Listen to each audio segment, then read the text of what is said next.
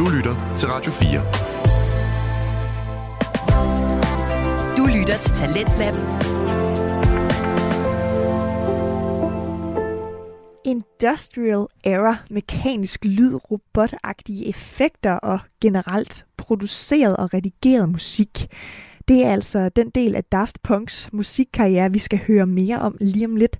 Velkommen tilbage til den her anden time af Talentlab på Radio 4. Vi er midt i at lytte til podcasten Medieubåden med Kasper Møller Jensen og Christian Smelling Pedersen.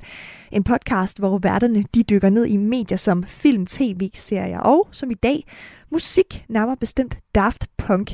Et band, som man genkender fra deres hits, som for eksempel Get Lucky. Men øh, resten af deres housemusik, det dykker vi altså også ned i. Her der får du resten af Medieubåden. Altså, jeg, jeg tænker, det, der, der er virkelig smæk på drengen på den her ja. plade. Altså, den her Og, plade øh, her, det er... Øh, det er øh, koteletten i kælderen og fuld jonna og øh, ja, Ja.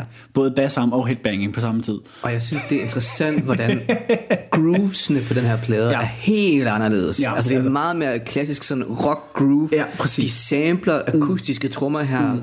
og Øh, og ja, de får, jeg, kan, jeg vil lytte lige til sangen, jeg får heller ikke engang afgøre, om det faktisk er en elektrisk guitar, eller om det er en synthesizer, det lyder som en elektrisk guitar. Men, Det det. Men, det, Øhm. men det er den der tekstur, det har. Ja, og det er den der mytos der, som de hele tiden sådan spiller, med, spiller om i egentlig. Er det os, eller er der nogen, der har stået og, og, og, og, og spillet? Altså, hvad, mm. hvor, hvor ligger vi henne her? Ja. Som også igen føder ind i hele historien omkring albummet Human After All, som mm. den her sang netop også fra. Ja, og jeg tænker faktisk også, det er nævneværdigt at nævne, at hvis man godt kan lide den her plade, mm. så er det værd også at tage et kig på Kanye Wests Yeezus album. Mm. Fordi de producerede faktisk nogle af numrene øh, på den plade. Og man kan virkelig høre, at de var, ind, de var sådan i deres industrial era. Mm. Både på den her plade, men også på den produktion, de lavede for Kanye på, øhm, på Yeezus. Ja, så det er også værd at nævne. Så altså, men igen, de, de, øh, de kan noget specielt. Men ja, men det var så der, hvor de, hvad kan man sige, mellem deres, øh, deres studiealbums, hvor der så var den der, men, men ja, altså jeg tænker nu har vi nævnt det et par gange, om vi har nævnt det herinde, og vi har lige kort snakket om, ja, hvordan og hvorledes vi synes, at øh, sangene på øh, Human After All er der er nogle af dem, der er gode på, på, på studiealbummet, men det får bare et helt andet liv i Alive, i, i deres Alive Tour. Ja. Det får en helt andet liv.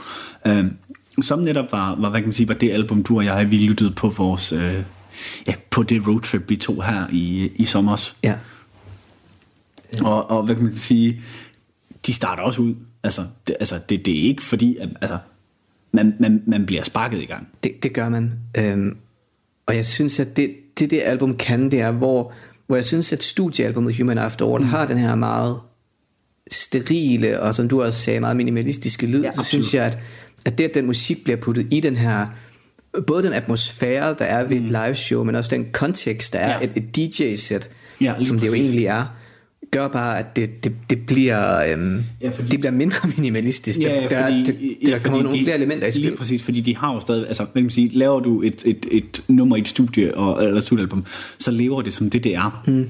i, i den setting, det er lavet i, men, men et live show, så har de jo, hvad kan man sige, hele de har hele paletten at spille med, fordi de har selvfølgelig en setliste, ja. men, men de har mulighed for at tilpasse, tweake, ret til selvfølgelig har de også øvet sig lidt før, det kunne man da ikke forestille sig andet end. Nej, nej, nej, altså det er jo et rehearsal set men, men, men, noget. men der bliver jo noget mere, øh, hvad kan man sige, noget mere kant, noget mere, øh, der bliver noget mere, mere levende Ja, over det, det bliver lige pludselig mere human, end det bliver robot. Ja, ja, lige præcis. Ja, og jeg synes faktisk, at vi skal høre en bid af Robot Rock-versionen fra Ja. Alive. Som hedder Robot Rock, oh yeah. Ja, det er jo, øh, Dash, oh yeah. Fordi det er et mashup af de to sange. Lige præcis. Øhm, ja, så synes jeg lige, vi skal høre et, mm. en bid af. Ja. ja.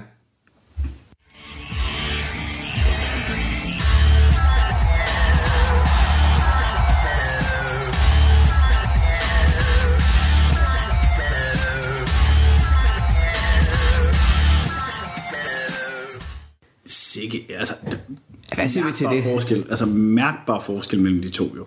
Altså, det, det synes jeg. Ja, absolut, men der er også, altså, der, der, der kommer en helt anden liv i, i det her nummer, på en eller anden måde. Altså ikke fordi der ikke er noget i det andet, men der kommer en helt anden Ja, altså netop som der også hele tiden bliver, bliver samlet human, altså der kommer et mere menneskeligt element over det her jo. Ja. På en helt anden måde. Og jeg synes også bare, at det, det er tydeligt, at der sker meget mere her. Altså, der, er mange flere, der er bare mange flere elementer i spil. Mm. Og jeg synes, øhm, bare de der sådan, du ved, måden de rykker publikum rundt ved, du ved, at, at klippe rundt og, og bare leger med, med de elementer, som der var i den originale sang, synes jeg bare tilføjer vildt meget til det her nummer. Præcis. Øhm, og derfor har jeg tendens til i meget højere grad at lytte til Alive mm. frem for Human After All albumet. Så øh, hvis man føler, men hvis, hvis man ikke har hørt det her, og man godt kan lide Daft Punk, eller hvis man skal have en introduktion til, hvor bombastisk Ja. Daft Punk kan være, så er det klart et sted at starte. 100 procent. Så kommer vi ind i deres filmproduktion en lille smule. Ja, og det er faktisk en plade, jeg ikke har hørt. Nej, øh, jeg har hørt den flere gange, fordi jeg fik, øh, jeg vil sige, jeg fik genoplevet min interesse for Daft Punk på Mhm. grund af den her film her, nemlig fordi det var sådan, hey, det, det her musik, det lyder sgu egentlig meget fedt og sådan noget. Var sådan, vent, det der ligner Daft Punk, og så bare hørt øh, sangen D-Rest, som er, hvad kan man sige, en af kan man sige, hovedsangene, ikke for at spoil filmen, øh, slet ikke. Lad venligst være med det. Øh, der er en scene, øh, hvor de er på en natklub, øh, hvor at øh, D-Rest, den spiller. Mm. Øh, ja, den simpelthen bliver, bliver sat på, at det er sådan vidderligt, hvor man kan se de to, de, de ser, der sker noget, de kigger på hinanden, og så sætter de, og så, kan, og så sætter de på, og så kører den. det er øh, så fed en lille detalje, men man bare sådan ser, at de to, de står deroppe i DJ-bussen, kigger over på hinanden, nikker, press play, og så kommer D-Rest Ja. og der er vi tilbage til en... Øh, der er vi meget tilbage, synes jeg, i øh, den måde, som de var på i øh, Discovery. På okay. en eller anden måde. Altså sådan lidt, lidt en mellemting mellem øh, Homework og Discovery. Mm. Men på en meget mere, øh, hvad kan man sige, her spiller de os meget ind i, hvad kan man sige, hele tanken omkring øh, filmen, som er egentlig, at, øh, at, hvad kan man sige, at mennesker bliver suget ind i en digital verden, og de er inde i en digital, men digital lukket verden. Det er jo et Daft Punk-koncept. Ja, ja, lige præcis. Så der, der er de meget mere, hvad kan man sige, øhm, der, der kører de meget mere på den her, hvad kan man sige, sådan, øh, ja, hvad kan man sige, maskinelle og digitaliseret måde. Så lidt mindre, hvad kan man sige, synthesizers i forhold til, øhm, til hvad det hedder, øhm, til reelle instrumenter, men mere over i den her sådan, hvad siger bebop? men du har slet ikke fået hørt nogen af, nogen af sangene på den? Overhovedet ikke. Altså, jeg tror, jeg... Øhm, jeg har bevidst på en lidt ubevidst måde lavet være med at lytte til det, fordi jeg ikke har set filmen. Mm. Øh, og jeg tænker, at jeg gerne vil du ved, opleve soundtracket i konteksten af filmen først.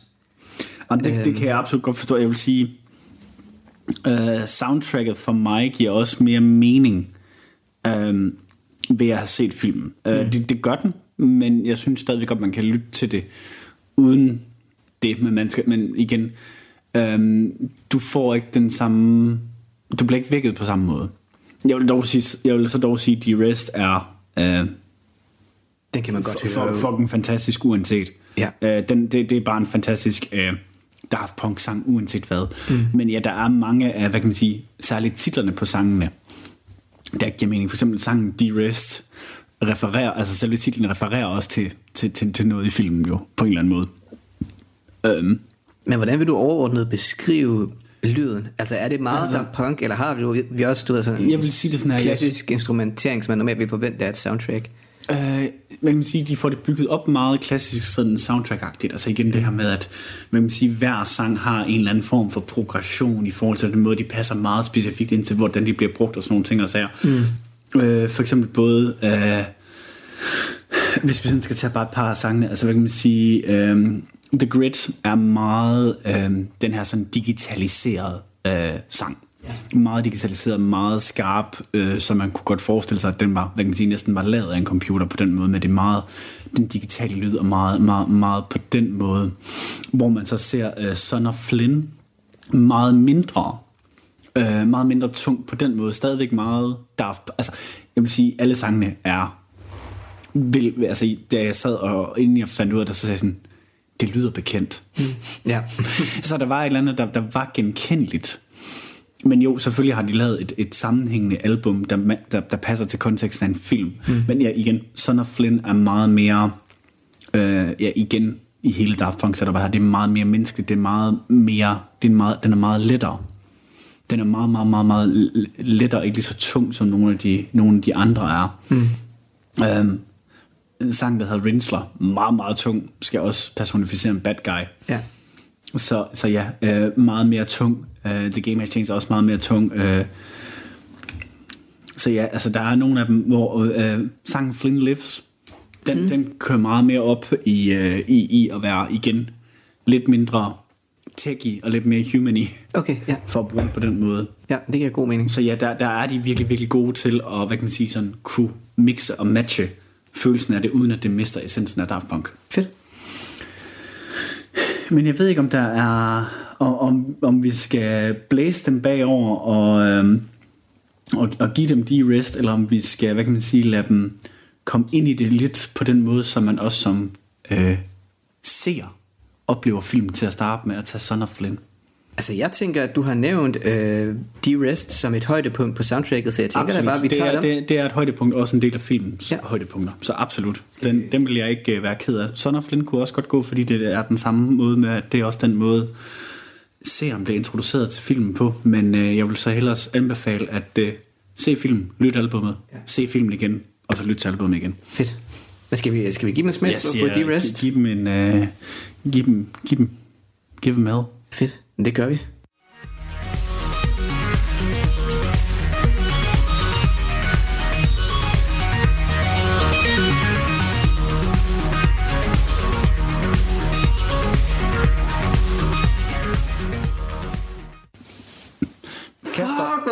Kasper, fedt. First impressions på en Daft Punk sang, du aldrig har hørt før. Det er pisse fedt. Ja. Det kunne jeg godt lide. Det, det er meget... Øhm, jeg kan godt lide den der sådan gated reverb, de har på trummerne, som er vildt sådan 80-agtigt. Ja, det altså lyder det- slet ikke Daft Punk overhovedet for mig overhovedet. Nå, vi- Men det gør alle synthesizerne så til Ja, gengæld. altså vi helt, altså hvad kan man sige, selv, hvad kan man sige, nogle af de der sådan, øh, hvad kan man sige, som backing ting, altså selve, hvad kan man sige, trommerne og noget sådan rent rytmemæssigt, det lyder lidt anderledes, fordi det gerne skal passe ind i den her, hvad kan man sige, mere digitale verden, som de gerne skal være i forhold til, hvordan det er. Mm. Men måden, de bruger deres synth på, progressionen i, hvordan de skifter fra element til element til element, Ja. så Daft Punky. Men det er også det, øh, det her var det, de også, eller de, de øhm, ej, jeg vil så overvældet over det, Ja. det var virkelig, virkelig fedt, men, men jeg synes, de, de, de fikser det problem, jeg havde med meget Human After All, fordi at der sker hele tiden noget nyt her.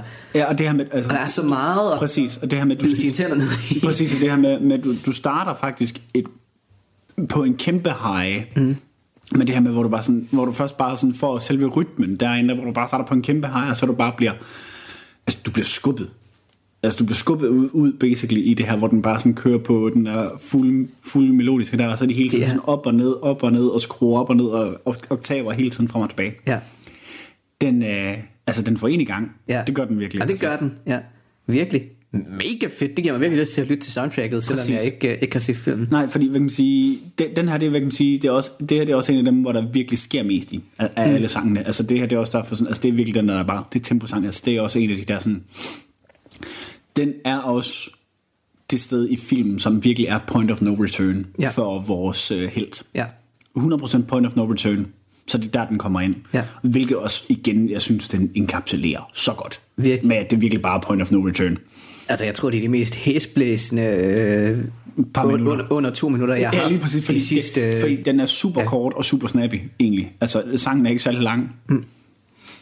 Hvilket er, er øh, super fantastisk. Ja. Og øhm, jeg vil sige, filmen ligger på Disney Plus øh, og er tilgængelig i mit filmskab. Hvis folk har lyst til at låne den og, og, Christian. og, og, så, så Disney Plus til dem af jer, der bor langt væk, til dem af jer, der øh, lytter til podcasten og kender mig personligt, så har jeg film. Super skud. eller jeg skal, jeg skal lige se, om jeg har lånt den ud lige pt. Jeg mangler at få den tilbage efter alt for lang tid. For jeg har par film, jeg har lånt ud til nogen, mm. som jeg ikke fået tilbage siden før sommerferien. De er ikke lige så gode som mig. Jeg kommer tilbage med din film, efter jeg har set dem. Lige præcis. så til den person, der ved, at personen har lånt film og andre ting af mig, øh, du må meget gerne snart aflevere, den, aflevere flere af dem tilbage, for der er nogen af dem, jeg mangler at se. Vi hænger dem offentligt ud af vores podcast, fordi de ikke har leveret en film tilbage. Jeg har, jeg, jeg, jeg, jeg, har, jeg har hverken nævnt navn eller køn på personen, Nej. Altså, det, eller, eller stedet personen bor. Du bliver muligvis hængt ud i Radio 4 også, hvis du ikke... Ja, altså, det, det, sådan er det. Super. Side note, men, men, men ja, altså hvad kan man sige, det, det, man kan godt mærke, at de har skulle tilpasse det til en specifik type film, Ja. men der er stadig meget essens af Daft Punk. Ja, det, det, det er sådan for et rent, næsten kompositorisk element, vil Ja. jeg ønske, at der var mere sådan noget her på Human After All, altså hvor man ja. bare bliver slynget rundt, Ja. Og jeg ikke ved, hvad der sker næste gang, selvom Nej. vi stadigvæk kører over det samme groove og det samme riff. Præcis, Altså, det er, jo, det er jo den samme basale, hvad kan man sige, rytme, mm. og hvad kan man sige, sådan den der sådan... De, De der arpeggiated akkorder, der kører frem og tilbage. Ja. Det er det samme, den kører med, men det bliver manipuleret på en eller anden genial måde. ja, fedt, fedt, fedt nummer. Så fik Kasper også prøvet noget nyt Ja, med fedt. musik. uh, a podcast first. Forhåbentlig ikke et, øh, et podcast last. Men ja, jamen altså, så kommer vi over til øh, det nummer, som, øh, som vi snakkede, eller den al, nummer, album, og nummer, og numre, vi snakkede om øh, i vores øh, jubilæumsepisode. Random Access Memories, øh, som udkom i 2013, så øh, 10 år i Ja. Jo et splittende album faktisk, ja. føler jeg. Ja, og meget, øh, hvad kan man sige, på en eller anden måde, øh, nærmest skizofrent album for Daft Punk på en eller anden måde. Det er sjovt, du siger det, for jeg synes, det er så Daft Punk, som det overhovedet no, kan no, blive. no, det er mere sådan det her med, med, med sådan, hvordan de, de mixer og matcher forskellige typer af ting. Ja. Så det er som, om- altså, hvad kan man sige, det er 100% essensen af Daft Punk. Mm, Det er jo alt det, de er inspireret af, de hylder på den plade. Ja, ja, lige præcis, fordi det, det er så lidt herfra, så lidt her, altså det, det her med, at det bliver sådan, nej, skizofrent er så måske lidt rigtigt ord at bruge, men det er lidt den her sådan, øhm, gryderet, hvor man har 40 forskellige små ting, man lige skal bruge, ja. som så ender med at blive godt. Det, øh, det, det giver god mening. Jeg Jamen. tror, hvis jeg, hvis jeg skal modificere den analogi lidt, så tror jeg faktisk, jeg vil sige, at Daft Punks tidligere plader har været gryderetten, hvor de nu faktisk præsenterer alle ingredienserne særskilt. Ah, ja, jo, jo, ja, okay. Til, til den, den, den kan jeg meget godt købe. Ja. Den, kan jeg meget, den, den analogi virker faktisk rigtig, rigtig god. Ja, fordi de har virkelig... Vi har overhovedet nævnt albumtitlen, Random Access Memories fra ja, ja, 2013. vi- Random, ja, ja, ja, den har vi lige fået nævnt, Random Ja. Access Memories, fordi, ja, hvad kan man sige, inden vi sådan dykker hårdt ned i den, så har de jo været producer på rigtig, rigtig mange. Øh, blandt andet øh, et, af, et af The Weeknd's albums, øh, Starboy. 100%, ja, det, er det- jo, hvad, det er jo og det er jo derfor for, hvad kan man sige, særligt folk, der godt kan lide Daft Punk, det føles så hjemligt, det Ja. album netop, øh, selvom det er meget øh, high-pitch, øh, pop-rappy, mm. så føles det meget familiært Ja. på den måde. Særligt, særligt på den måde, ikke? Det var godt, du nævnte, fordi det havde jeg lige svedt ud, at ja. de også... Øh, Men, men den, tænker, den, den passer meget godt ind i den her, fordi det her det er jo virkelig også et album, hvor de arbejder sammen med rigtig, rigtig mange kunstnere.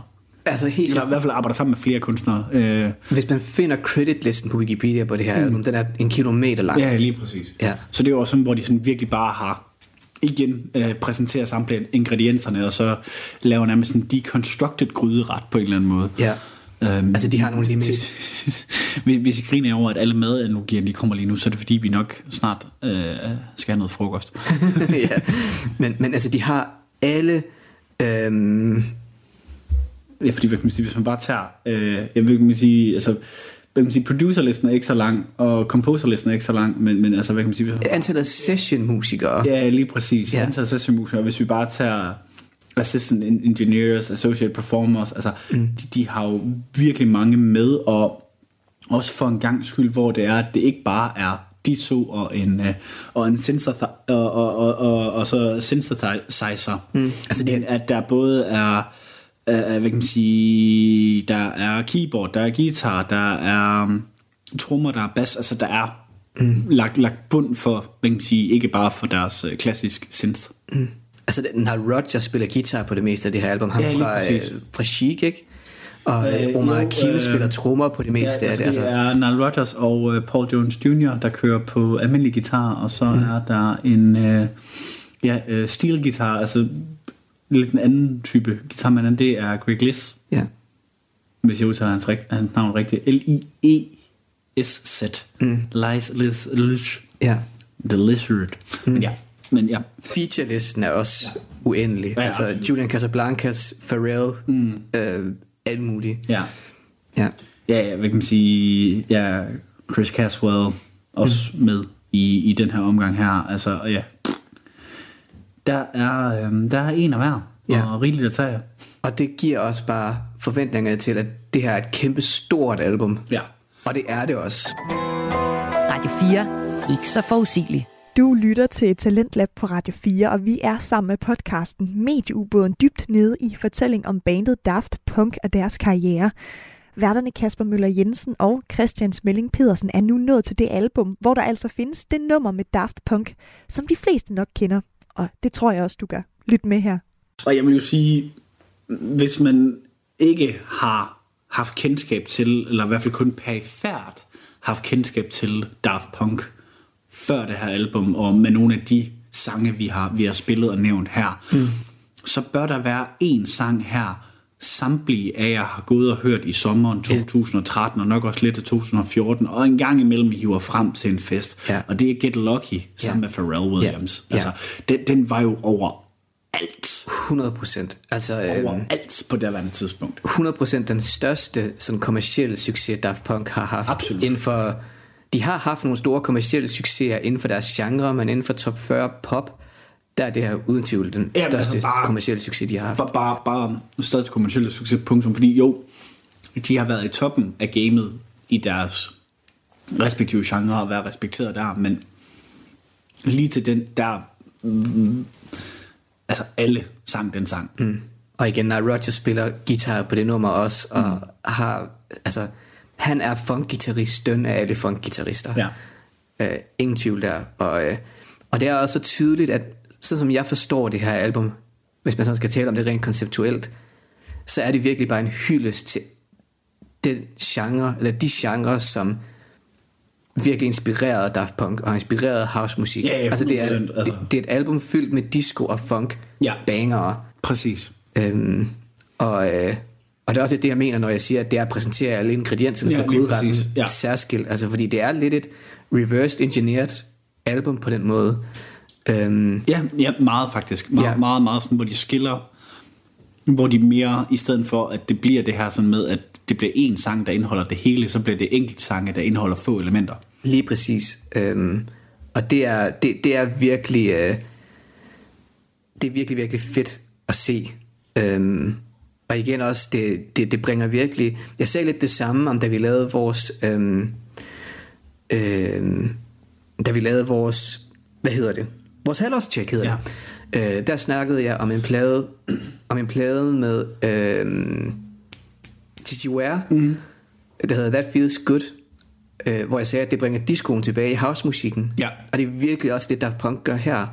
Og, og jeg vil faktisk sige, at Daft Punk var virkelig ahead of that game med den her plade, fordi det er jo virkelig, altså sådan nogle kunstnere som Dua Lipa, mm. og også Jessie Ware for en sags skyld, gør jo det præcis det samme nu, som Daft Punk gjorde for 10 år siden med Random Access Memories. Ja. Altså lavede den her, den her housemusik, som er meget, meget tung på discoen. Ja, lige præcis. Altså, fordi det kan man jo så måske også sådan sige på mange måder en ting, som de nok heller ikke får, får nok credit for desværre, det er, at Daft Punk har jo været forgangs, forgang for rigtig mange af tingene inden for house, og også hvordan de har så kunne influere andre genrer med den her sådan funky house, mm. eller hvad vi skal, altså acid house, funky house, altså det har de virkelig, virkelig været, og også ligger som, øh, som grundstenene for, netop som vi også nævnte tidligere, både Skrillex og Deadmau5, både i forhold til nogle, nogle, den måde, de optræder på, men også den måde, de vælger at orkestrere og konstruere deres musik på. Altså, mm. der er mange, der bør kreditere, der er mange flere, der bør kreditere Daft Punk for, hvad det er, der er lavet.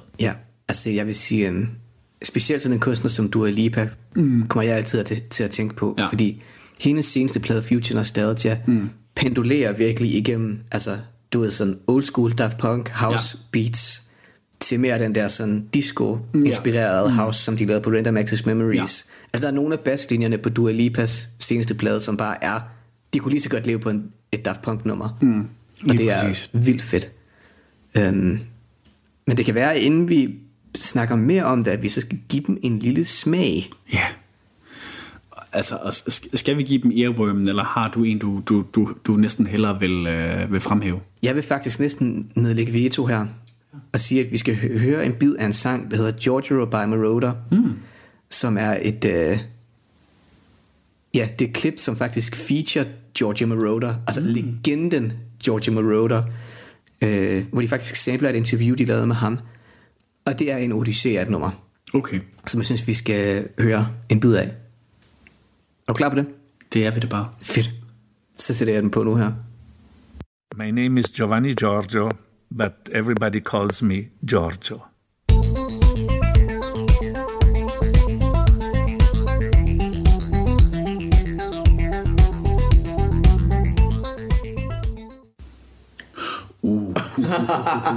det, det var en rejse. Øhm, mine damer og herrer, skulle næsten se Kasper, både med øh, kuldegysning og gåsehud, og øhm, sidde og øhm, ligne en øh, femårig, der f- sagde, ja, du må godt tage et stykke slik mere. Mm-hmm. Jeg sidder faktisk og spiser et stykke slik lige nu. En, en rejse uden lige. Det- det- Øhm, virkelig, altså igen, som, som vi lige kort øhm, snakker om under nummeret, altså det her med, hvordan de både har mulighed for både at skalere op og skalere ned, og lave de her på nogle måder meget hårde overgange mellem instrument, eller in, instrumenter og harmonier og ting og sager, men at det fungerer og føder ind i hinanden. Mm. Hold. Ja, wow. Det, Virkelig imponerende. for mig er det uden tvivl det bedste nummer, Daft Punk har lavet overhovedet.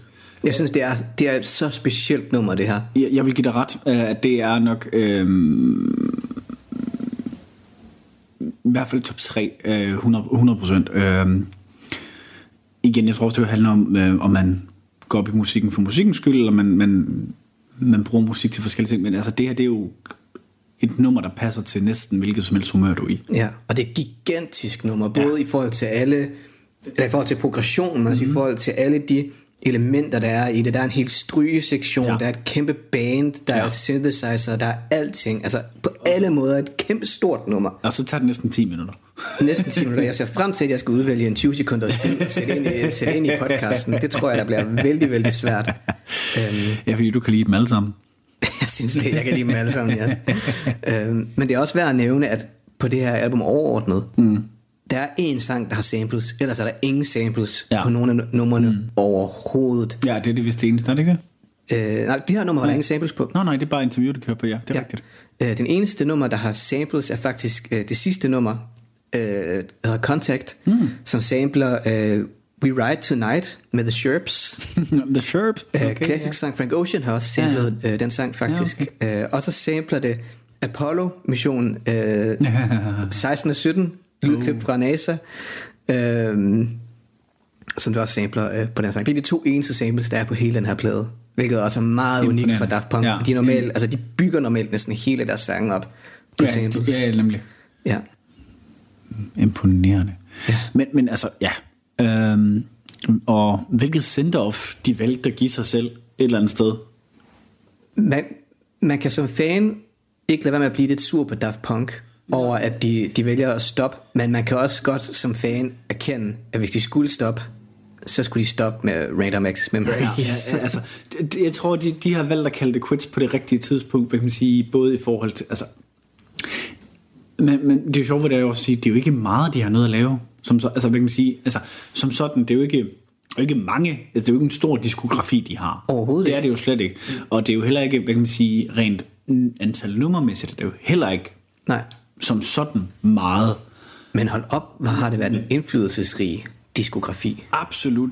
Altså indflydelsesrig både i forhold til øh, hele genren, og også i forhold til enkelte kunstnere, og også bare ja, i forhold til den måde, man vælger at lytte til det på, og den måde, man kan tænke over tingene på. Ikke? Altså, mm. det, det er jo virkelig, virkelig imponerende, og så kan man sige, også taget i betragtning af, at et, et, et, okay, der er teknisk set to, men et af deres album i diskografien er et fuldt soundtrack, mm. Som de får lov til at lave 100%, men er et fuldt soundtrack. Ja. Det er jo også, altså, specielt, altså man har jo kunstnere, der har været i gang kortere tid, der har dobbelt så meget. 100 procent. Og jeg synes, jeg kan godt forstå på en eller anden måde, at de vælger at stoppe med Random Access Memories, fordi jeg synes på en eller anden måde, at Det rammer det helt ind. der, jamen, det, det, jamen jeg føler også, at de, de havde ligesom på en eller anden måde sat det der mål efter sig med deres musik, at de først og fremmest ville tage disco og funk til mm. du ved, et, et nyt sted, Ja. rent genremæssigt. Og så også det, præcis. at de ville udforske det der med spektrummet imellem mm. menneske og robot, Ja. og hvad de to ting egentlig betyder som resultat af at udforske det spektrum. Og jeg føler ved, på en eller anden måde, ja, som vi snakkede om før, at tage alle ingredienserne og præsentere dem særskilt. Mm. Og også samtidig, altså på en sang som eksempelvis Touch, mm. hvor de jo stadigvæk øhm, øh, virkelig, og sang som Beyond også for den sags skyld, hvor de virkelig også beskæftiger sig med det her med, hvad er det egentlig menneskelighed er? Mm. Sæt ind i den her sådan maskinelle kontekst. Ja. Øh, og også rent musikalsk udforsker det med et helt band, i stedet for bare maskiner, altså synthesizer. Præcis. Jeg synes, det, det er på en eller anden måde hele sådan deres tese taget til den ypperste højde. Ja, altså, de, på en eller anden måde. Jamen, de får, de får lavet en glimrende konklusion på den, øh, på, på, på den problemformulering, den præmis, de ligesom sætter op mm. allerede i homework. Ja. Altså, det gør, det gør de jo virkelig. Så, så ja, vi kan hurtigt blive enige om, som folk, der godt kan lide deres musik, så er man da ærgerlig over, at der ikke kommer mere. Mm. Men tager man lige fanboy-brillerne af, så kunne de nok ikke have valgt at stoppe et bedre sted. Mm. Det kunne de virkelig ikke. Ja. Altså, man sige, så laver de stadig en masse produ- altså, nu laver de noget producing, og de tager jo stadig nok også på en live-tour eller to gange imellem og sådan nogle ting, og så, men mm. Og man ved jo aldrig, der er nogen, der har sagt, at vi stopper, og så kommer der lige pludselig et eller andet igen. Ja. Man, man ved det jo aldrig, men, altså, jeg læste men igen, det, det er 10 år siden. Det er ja. 10 år siden, de udkom med, med det, så... Øh, ja. Altså, jeg læste en overskrift forleden, øh, at uh, The Weeknd havde sagt, at han vil ikke lave noget nyt, før Daft Punk de genforener. ja. Nå, men så... Åh, ja. Spændende. Ja. Jamen, kan vi huske, hvorfor det var, at øh, de, de bare sagde, nu gider de ikke mere? Mm, jeg tror ikke, der var en særlig grund til det. Jeg tror Nej. måske bare, at de ikke følte sig inspireret længere. Det er også det, fordi jeg har, man har jo ikke kunnet læse noget, fordi nogle gange så bryder band op, fordi at, jamen, vi gider ikke mere, eller, mm. eller jeg kan ikke lide dig, du er træls, eller, eller et eller andet. Men det den har der jo aldrig som sådan været, eller hvis der har været nogle kontroverser, har man jo nok heller ikke rigtig hørt om det, fordi de har været de her sådan lidt mere mytiske musik figurer her, men, men men jamen, altså, jeg vil så også sige det her med, med den måde, de også har valgt at lave deres musik på, så skal der også meget til, hvad kan man sige, som sådan, både at skubbe og mm. inspirere dem. Men altså, det kan jo være, fordi som vi nogle gange snakker om lige pæt, eller har snakket om både i vores øh, format vores, og øh, lidt løst her der i nogle af vores andre øh, episoder, det er jo, det bliver nemmere og nemmere og nemmere at lave mm. noget, og ja. der er meget det her flavor of, eller meget, rigtig meget flavor of the week, eller flavor of the hour mm. nogle gange, i forhold til hvor meget medieindhold der bliver pumpet ud. Ja. Så hvad kan man sige, det kan også godt være, at siden at nu har der været lang, eller lange, lange, så lange pauser er der jo heller ikke, men alligevel, det har jo ikke været sådan, de har, som nogle andre bands har gjort, hvor de har spyttet et nyt album ud hver andet år næsten, mm. ikke? Altså, der har været en lille pause, ja. hvor de har har gået i tænkeboks, så at sige. Ja. Og det kan godt være, at de ikke føler, der er det her medierum længere, til hvor de kan tage den her tænkepause, hvor de kan sidde og arbejde med det her, og der er måske ikke så meget mere, fordi medmindre du går ud i nogle af de her fringe-genre her, mm. så er der meget af det her mainstream, der bare begynder at smelte mere og mere sammen. Ja, altså jeg tror, der er ikke blevet præsenteret nogen grund til, hvorfor de Nej, stoppede. Mm. Men jeg tror for mig, hvis jeg selv sådan skulle konspirere om det, så tror jeg, at, at housemusik er så meget lyden 90'erne. Ja.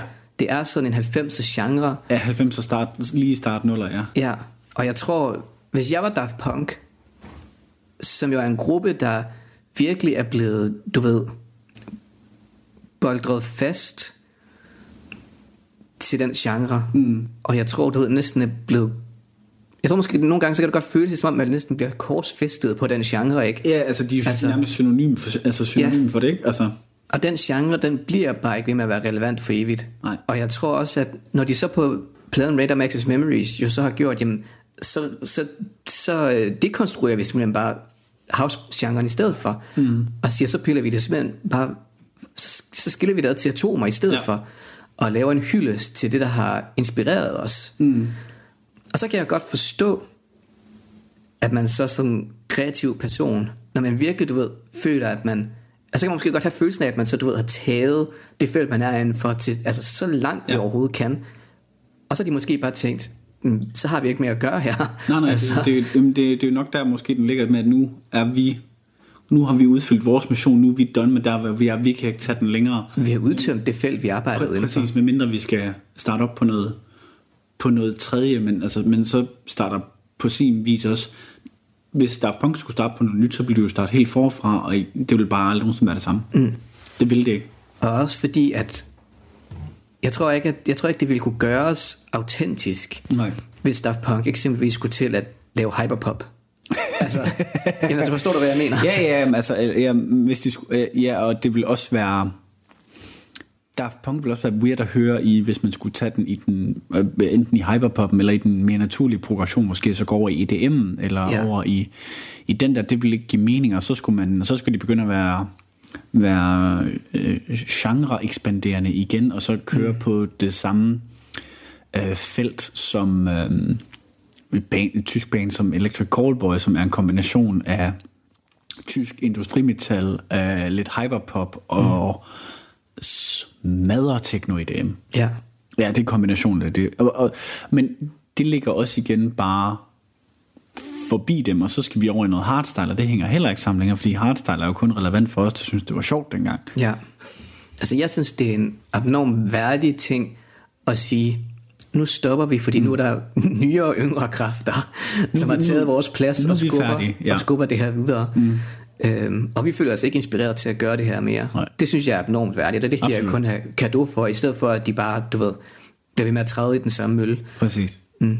Det kommer der aldrig noget godt ud af. Så, så det vi kan sige her med Daft Punk, det er, øh, vi er kede af, at I ikke vil lave mere nyt, Ja, men hold kæft, for er vi glade for det, I har givet os. absolut. Det, det har været øh, sindsudvidende, hvad jeg lige ved at sige. Horisontudvidende måske og, nærmere. og nogle gange også bare, øh, bare lidt toneangivende for noget af det musik, stadigvæk du og jeg hører, fordi der er jo ja. noget, noget, der trækker ind til både noget af, hvad kan man sige, noget af det, man kan sige, rock og elektro, jeg hører i dag, og noget af det, hvad kan man sige, mere melodisk, du også hører, men også særligt på, på, hvad kan man sige, på meget dit, sådan, din forkærlighed for synth. Ja, ja, ja. Øh, ja, den der mere sådan radikale elektroniske musik. Præcis, ja. Og man kan også sige for os alle sammen, det er måske også en point, vi bliver, ved med at lidt i, men rigtig meget popmusik i dag. Ja, altså ja. The Weeknd, Dua Lipa. Ja, ja. Lige præcis. Ja. Altså det, de gør det, der Punk gjorde for 10 år siden. Præcis. altså så, ja, i, i en anden udgave, men, men det er grundstenene er det samme, lige præcis. mm, øh, og man kan sige, The Weeknd meget konkret, altså arbejder faktisk sammen med Daft Punk. Præcis, Og ligesom, ja. le, altså, ja. Altså hele hans Starboy-album har produceret dem, mm. altså, og, er, og de er øh, med øh, sangskrivere på nogle af hans ting og sådan noget der, så altså, Ja.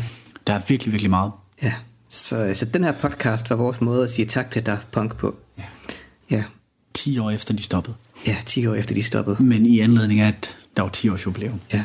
Og der er faktisk også en 10 års jubilæumsudgave af Random Access Memories. Præcis. Med noget ekstra materiale på, som jeg kun vil anbefale, at man lytter til. Lige præcis. Ja, men øh, Så ja, nu vi kom, øh, vi kom dybt og bredt om et enkelt emne i dag, og øh, jeg tænker da, at øh, vi skal tage noget luft igen, inden at øh, vi skal dykke igen ned i, den, ned i det næste dyb, der nok også bliver nogenlunde lige så dybt som det her. ja, det kunne man forestille sig.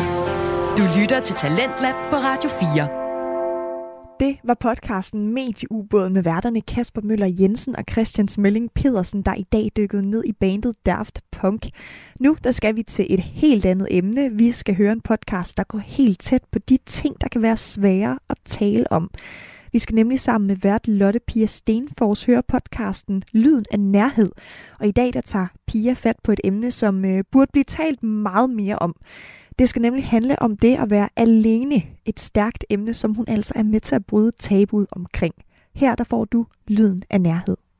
Jeg har længe ønsket at, at lave episoden, som der blev spurgt om der.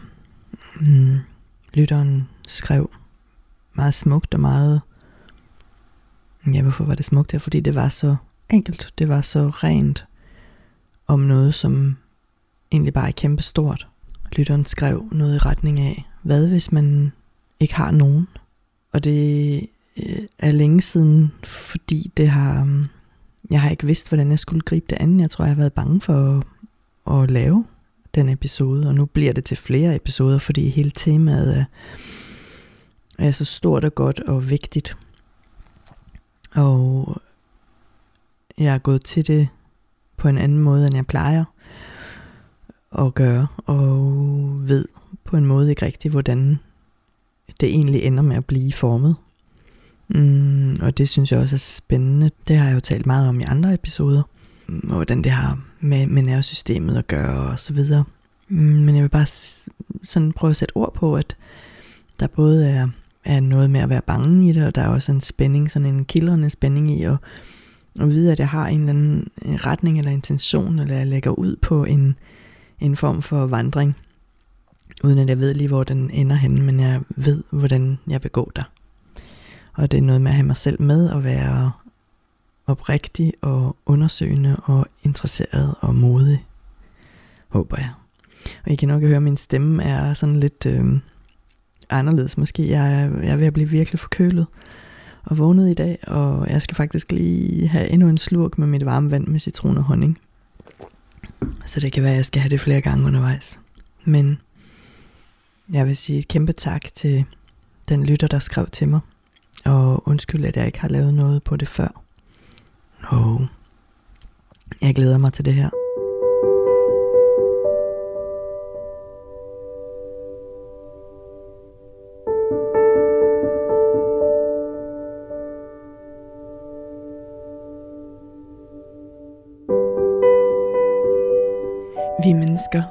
Vi er skabt til at være i forbindelse med hinanden og med os selv og med livet.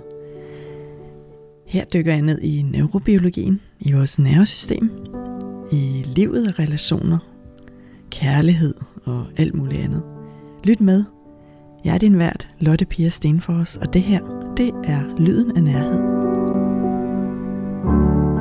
Noget af det, som, eller egentlig det, jeg har gjort øh, i praksis omkring den her episode, det var, at jeg satte mig og skrev sådan som jeg skriver andre ting, fordi jeg skriver nemlig også for eksempel digte, jeg skriver alt muligt.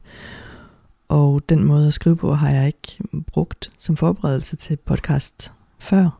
Men det fik jeg bare lyst til nu, fordi det er et eller andet andet af mig selv, jeg skal bruge sammen med de ting, jeg kan.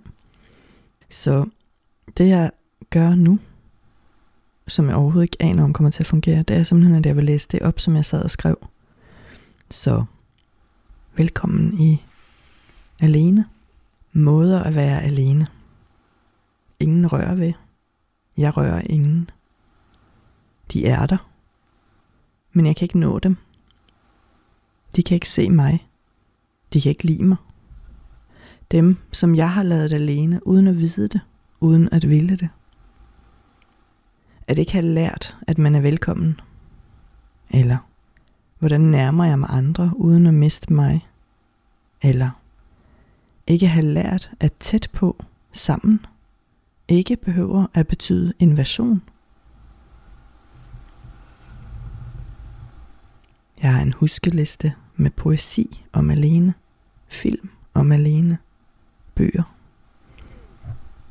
Alene, fordi anderledes. Indvendig, udvendig. En historie, som de andre ikke har. Ikke er nødt til at bære eller vilkår, de andre ikke er nødt til at bære. Min sygdom. Alene, men orker ikke, når nogen er der.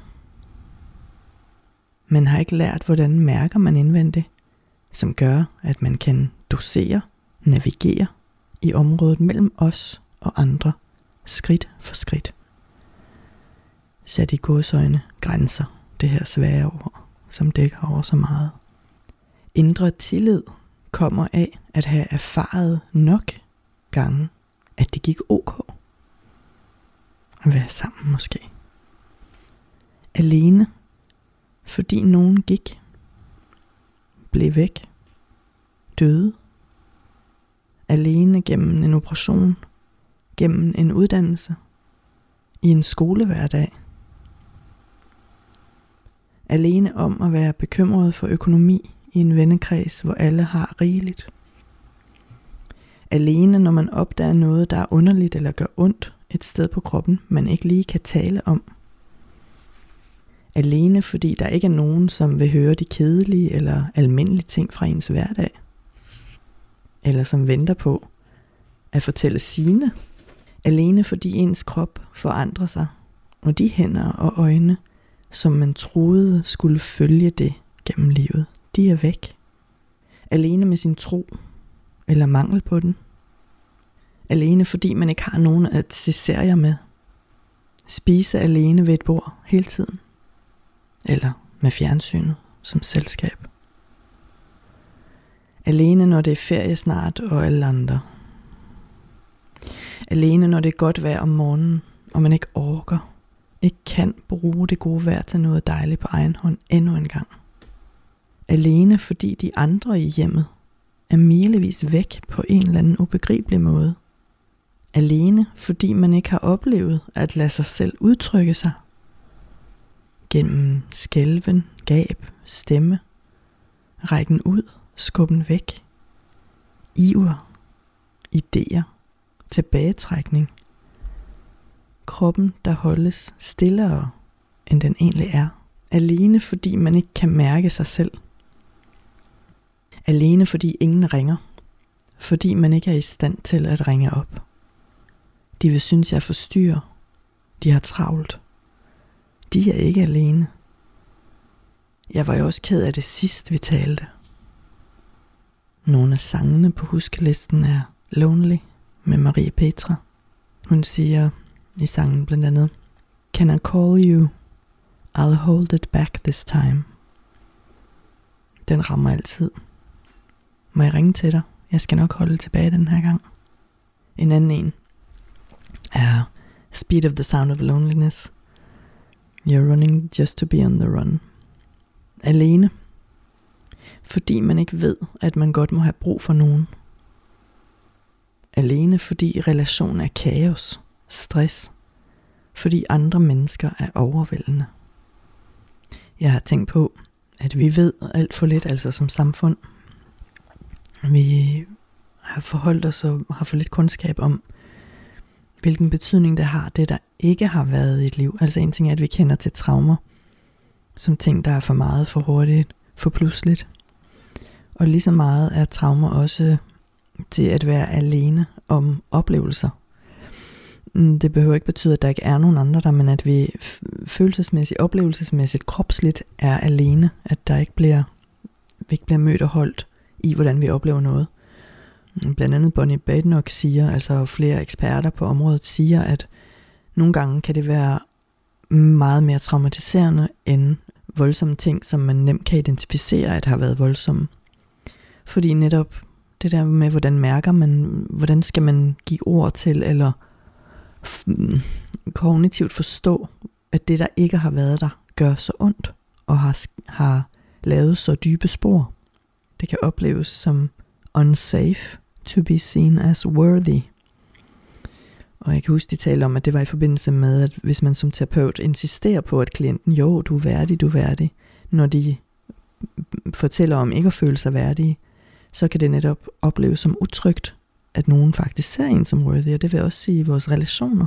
Hvis der er nogen der, som virkelig ser os som dejlige og gode, så kan det føles utrygt, hvis vi har en eller anden form for neglect af betydning i vores bagage.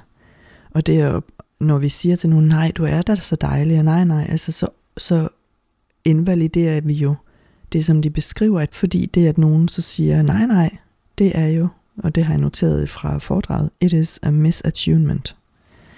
Og, og attunement er jo netop det, vi har allermest brug for, som gør, at vi ikke føler os alene. Når nogen kan kan være, kan møde os på den frekvens, eller hvad skal man sige, som vi er, og ikke på sådan en woo-woo måde, men altså, nogen kan være til stede i sig selv nok til at kunne virkelig opfatte, hvad det er, vi beskriver, og være sammen med os i det, og det har vi brug for, for altså helt biologisk har vi brug for det for at udvikle vores nervesystem, når vi bliver født, og vi har brug for det hele livet. Det, øh, det er med til, og det er en nødvendighed for at udvikle tryg tilknytning blandt andet.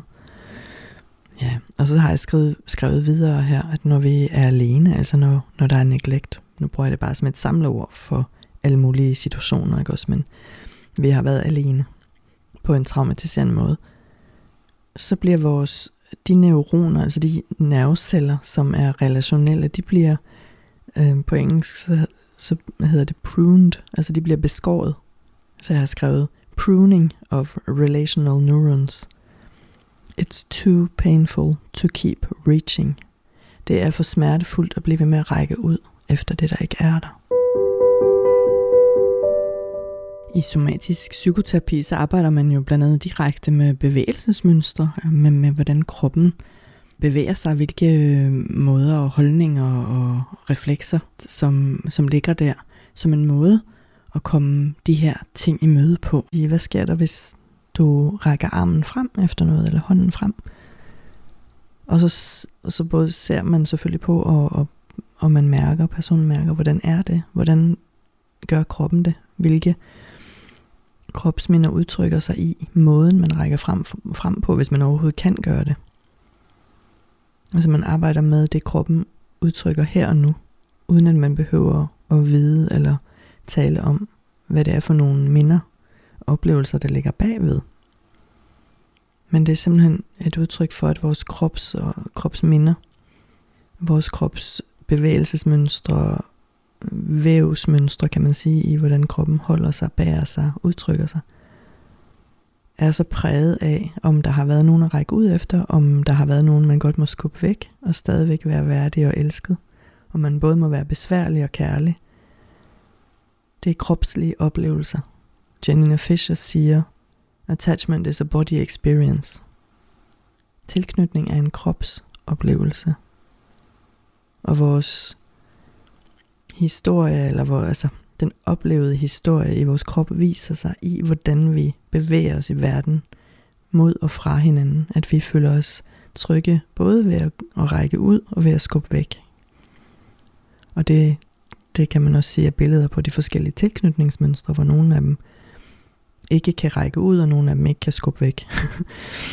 altså min, en af mine specialiseringer, som jeg er allermest glad for, er specialiseringen inden for grænse- og behovsterapi hvor jeg netop arbejder, som jeg for eksempel beskrev nu, med, med den her kropslige psykoterapi, hvor, hvor vi arbejder med, ser på, er med, hvordan kroppen bevæger sig, hvordan den udtrykker sig, og hvordan den ønsker at være placeret i forhold til andre i rummet.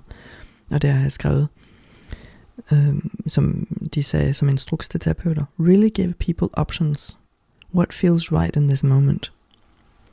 Og det er sådan en selvfølge for mig at arbejde sådan, at jeg glemmer, at, at sådan er det tit ikke. Et, et, et, et praktisk eksempel, jeg kan give, er, hvordan man får lov til at placere sig i rummet.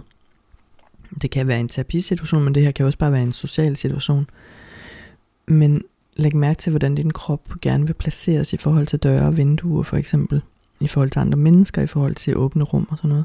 Hvis man lader være med at bedømme det, man bare lægger mærke til det.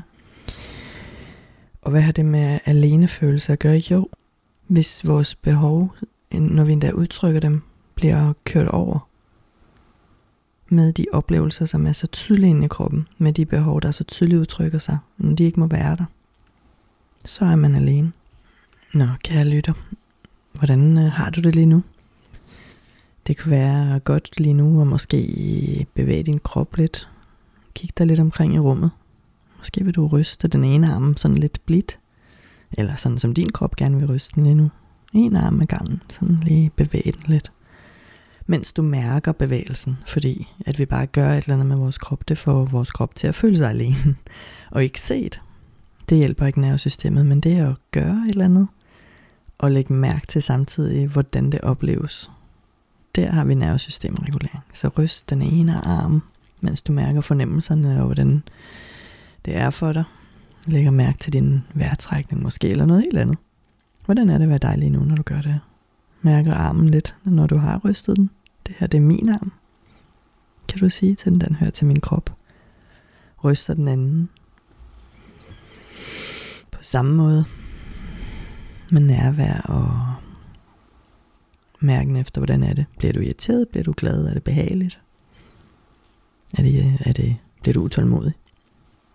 Ryst det ene ben og det andet ben på samme måde. Kig dig lidt omkring. Måske øh, giv dig selv et knus.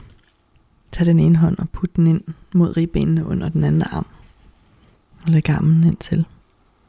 Og mærk, hvordan er det? Du lytter til Talentlab på Radio 4. Tilknytning er en kropsoplevelse. Den sætning, den bed jeg altså særligt mærke i her i Lotte Pia Stenfors afsnit af Lyden af Nærhed. Et afsnit, der på en helt autentisk og øh, ærlig måde gik tæt på flere aspekter af det at være alene. En ting, der altså ikke bare er psykisk, som jeg ellers meget har tænkt, at det var. Det er altså også en helt fysisk ting. Jeg ved, at øh, Lotte laver flere afsnit om, om at være alene, så det kan du holde øje med her i Talentlab. Det var alt, hvad vi havde for i aften. Om lidt, der er der nattevagten her på Radio 4. Mit navn det er Alberte Bendix. Tak fordi du lyttede med. Du har lyttet til en podcast fra Radio 4. Find flere episoder i vores app, eller der, hvor du lytter til podcast.